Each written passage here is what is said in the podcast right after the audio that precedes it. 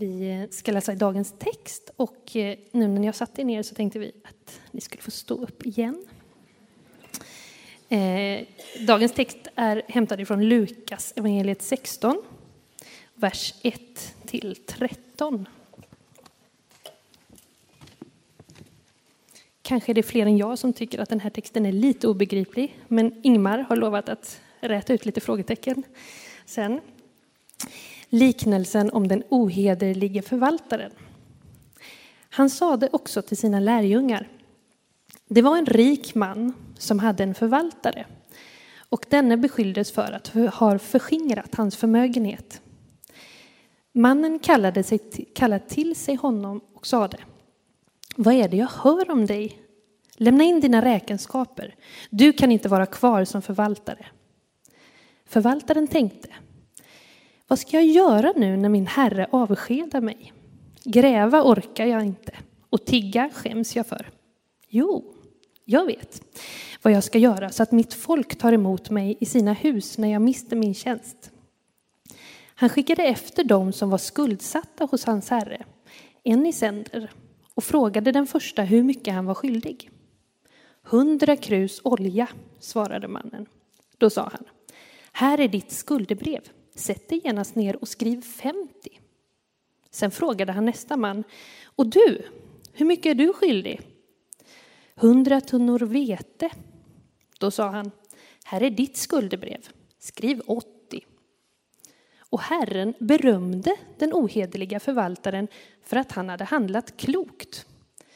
Denna världens människor beter sig klokare mot sina egna än ljusets människor gör. Ja, jag säger er, använd den ohederliga mammon till att skaffa er vänner som tar emot er i evighetens hyddor när mammon lämnar er i sticket. Den som är trogen i smått är trogen också i stort, och den som är ohederlig i smått är ohederlig också i stort.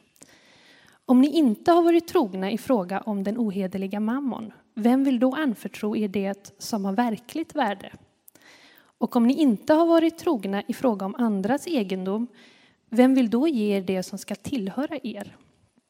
Ingen tjänare kan tjäna två herrar. Antingen kommer han att hata den ena och älska den andra, eller att hålla fast vid den ena och inte bry sig om den andra. Ni kan inte tjäna både Gud och mammon. Gott att vara tillbaka igen efter semestrar. Härligt att se er. Är det bra med er? Ja, det är gott. Eh, det har varit en skön sommar och eh, möjligheter till fin rekreation och få, få koppla av. Och så är man tillbaka igen på olika platser där vi finns. Och eh, här brukar jag stå i den här talarstolen och det är med bävan som alltid. Det är en förmån att få göra det, men det är också ett stort, stort ansvar, en stor utmaning.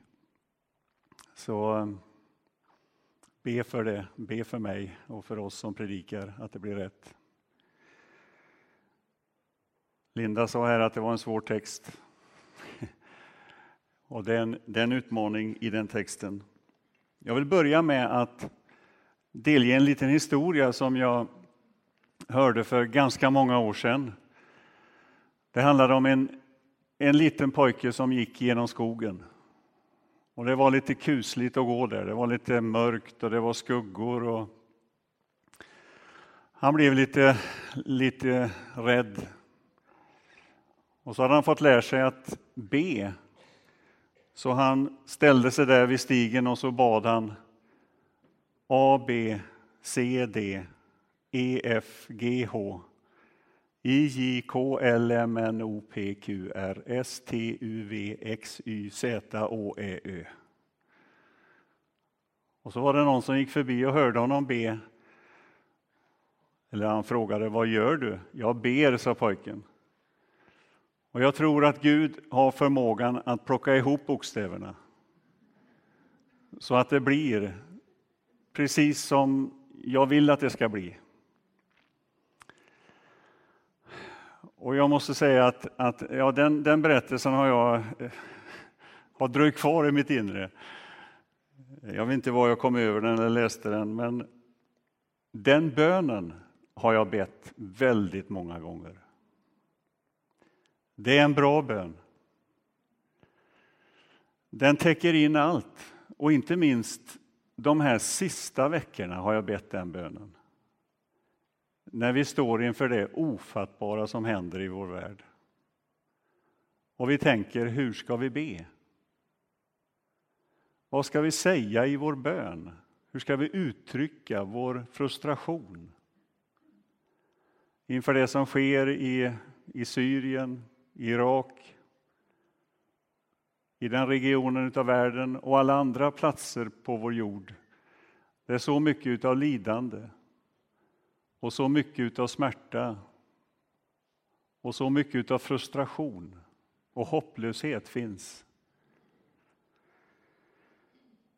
Paulus talar i Romarbrevet om att vi inte alltid vet vad vi ska be om men att Anden manar gott för oss med outsägliga suckar.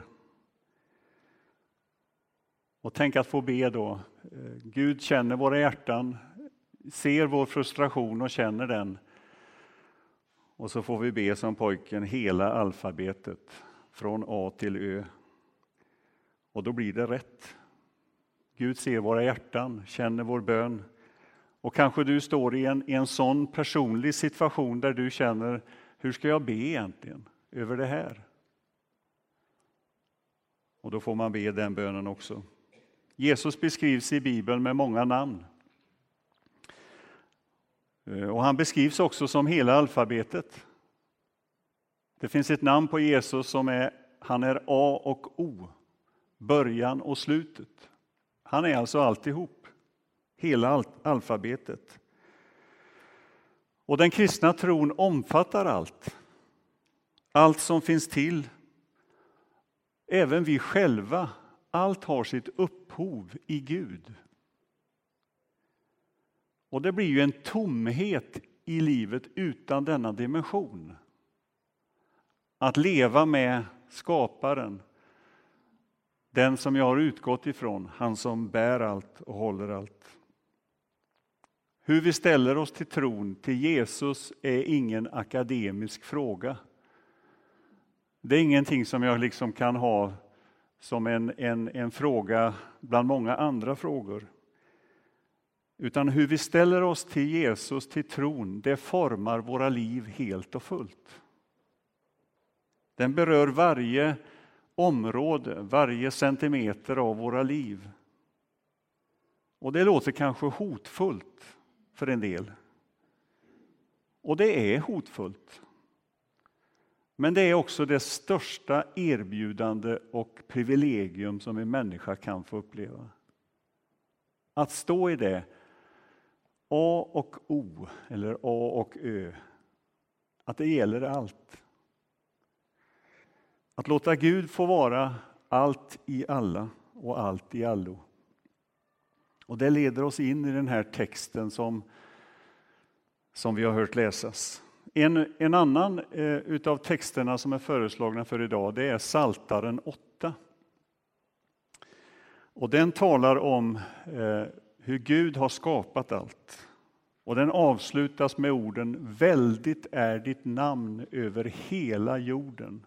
Salmisten vill på något sätt säga allt i skapelsen. Allt vi kan se. Allt du rör vid, allt som finns där. Det tillhör Gud. Han har sagt sitt ja över hela skapelsen. Och så leder det oss in i den här texten som ger oss en aning om lösningen, hur vi ska se på den. Att det finns ingenting egentligen som vi äger. Utan allt är anförtrott till oss. Allt är en gåva. Gud anförtror oss egendom, sin egendom och han förväntar sig att den ska förvaltas, tas hand om till hans ära, till hans välsignelse, till hans tanke med den här världen, med alla människor. Till välsignelse för andra, inte för egen vinning. Så att om du kommer ihåg någonting ifrån den här texten, så tänk på att allt du är och allt du har, materiella ägodelar, ditt liv, din tid, det har du fått som en gåva från Gud. Och allt det har vi satts till att förvalta. Och därför så är temat för den här predikan och temat för den här söndagen goda förvaltare. Hur förvaltar jag mitt liv? Hur kan jag vara till tjänst för andra människor? Hur kan jag tjäna den här världen i de sammanhang där jag finns? Med mitt liv, med mina gåvor, med det jag är och det jag har. Vi kommer att sjunga en sång sen som heter Helig mark. Och på något sätt så blir ju det en rubrik för oss om vi vill stå i den här tjänsten, att varje område utav våra liv eller där vi finns är helig mark. Det handlar om våra liv här och nu. Vad gör jag med mitt liv? Och det är allvarliga frågor. För det handlar om hela alfabetet, hela vårt liv. Jag måste säga, hade vi inte följt kyrkåret hade jag inte valt den här texten. Och jag har aldrig hört någon som heller har sagt att detta är min favorittext. Och Jesus tar här upp ett ämne som han ofta återkommer till och det är ju eh, våra pengar och våra ägodelar. Och på något sätt så är ju pengarna symbolen eller kärnpunkten vad det gäller förvaltarskap. Och det är något som berör oss alla på ett djupt plan, vare sig vi har mycket eller lite av den varan. Och Bibeln klargör väldigt tydligt på många ställen, och Jesus var ofta, påfallande ofta inne på det ämnet, att det är kärleken till pengar som är roten till allt ont. Att vi inte kan tjäna både Gud och mammon. Och det är viktigt att säga att det inte det är inte pengarna i sig som är roten till allt ont, utan kärleken till pengar. När det får ta kontrollen över mig. Det här ordet som förekommer i den här texten, ordet mammon, det är ju bara Jesus som använder det. Ett arameiskt ord som beskriver något som är fast. Något som man kan lita på, något som man håller sig till. Det kan också betyda en skatt som är gömd någonstans. Och, och, Jesus använder det ordet för att beskriva någon slags motpol till tron på Gud och till att leva med Gud. Och mammon i den här texten betyder allt som jag förlitar mig på som inte är Gud. Det handlar inte bara om pengar. Utan mammon beskriver allt det som jag har min tillit till. Där mitt hjärta är, där finns skatten. Så mammon är ett bredare begrepp och djupare begrepp än bara pengar. Utan den ställer på något sätt frågan, vad styr mitt liv? Vad regisserar mitt liv? Vem är mitt livs regissör? Vilka värderingar styr mitt liv? Vilka värden är på något sätt det som jag strävar efter först och främst? Vad kretsar mitt liv vid? Vem är min vägledare? Den här liknelsen, precis som många andra liknelser som Jesus ger, ställer naturligtvis eh, fokuset på hur, hur Israels folk hade misslyckats att, med sitt uppdrag att förvalta och riskerar att bli, för att använda uttrycket i texten, avskedade. Alltså Jesus var ju tuff i sin kritik mot hur man hade förvaltat sitt uppdrag som Israels folk. I den här liknelsen så berättas ju om en förvaltare som jobbar åt en rik man. En dag upptäcks det att han har förskingrat. Han blir inkallad till sin chef och för att stå till svars för vad han har gjort. Och så är han på väg dit, verkar det som, och inför hotet om att avskeda så börjar han tänka, vad ska jag göra nu? Ja, byggnadsarbetare kan jag bli, börja gräva och sådär. Ja, det, det är för tufft. Det, det kan jag inte tänka mig. Den bilden kan jag inte se. Det är för jobbigt. Tigga? Ja, det är lite skämmigt. Det kan jag inte göra.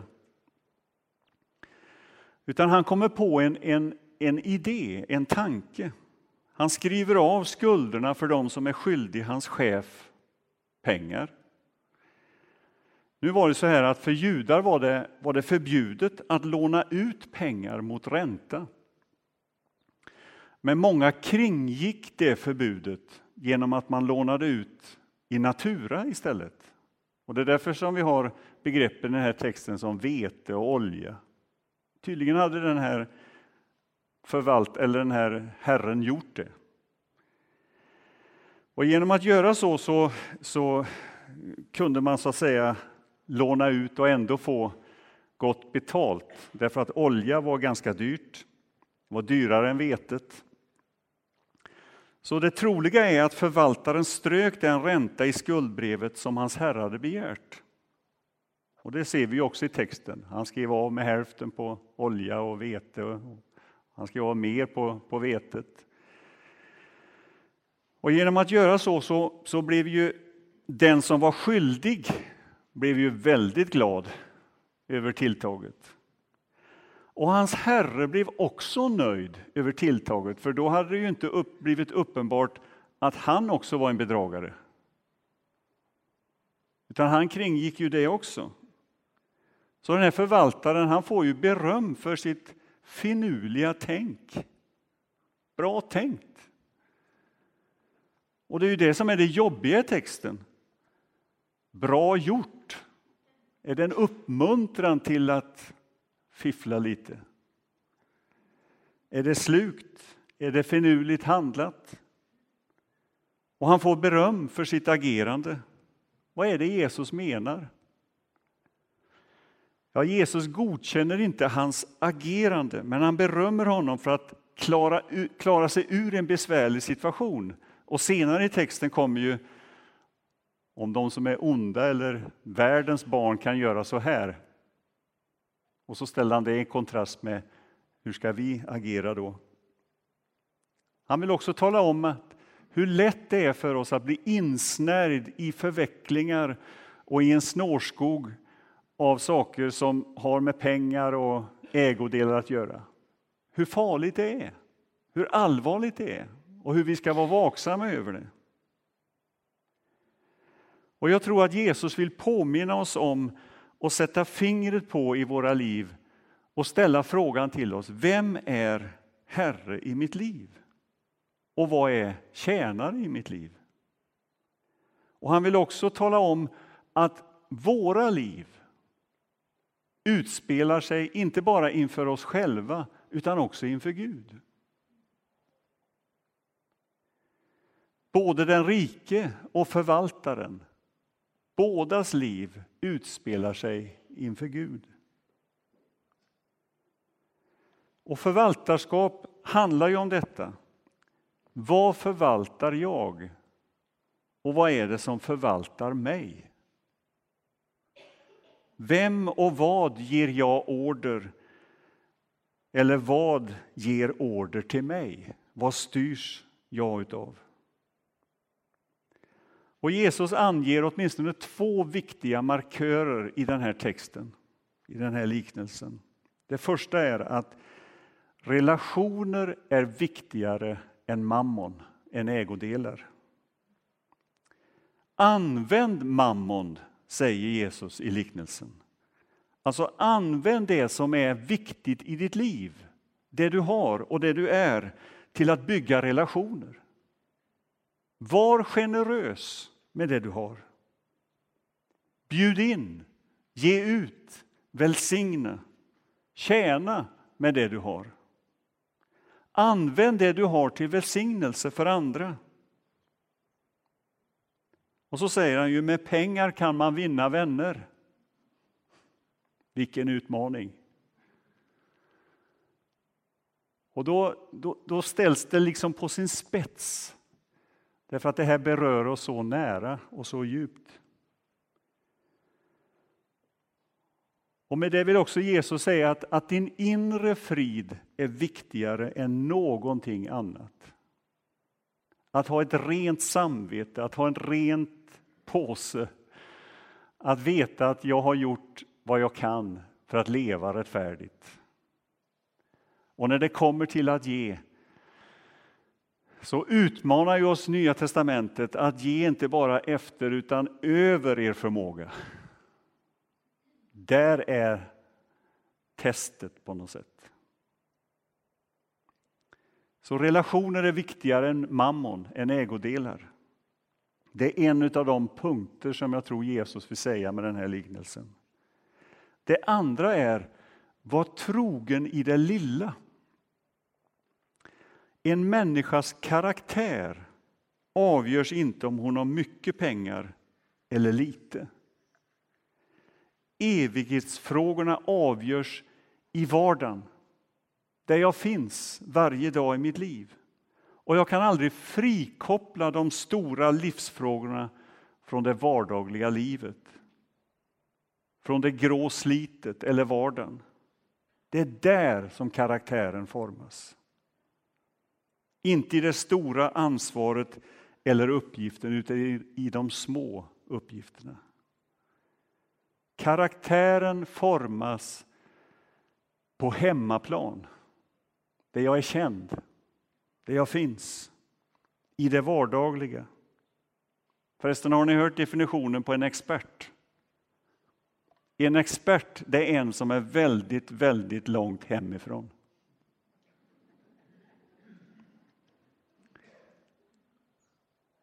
Och det är lätt att bli expert på bortaplan, men det är svårare på hemmaplan. Det är där det avgörs.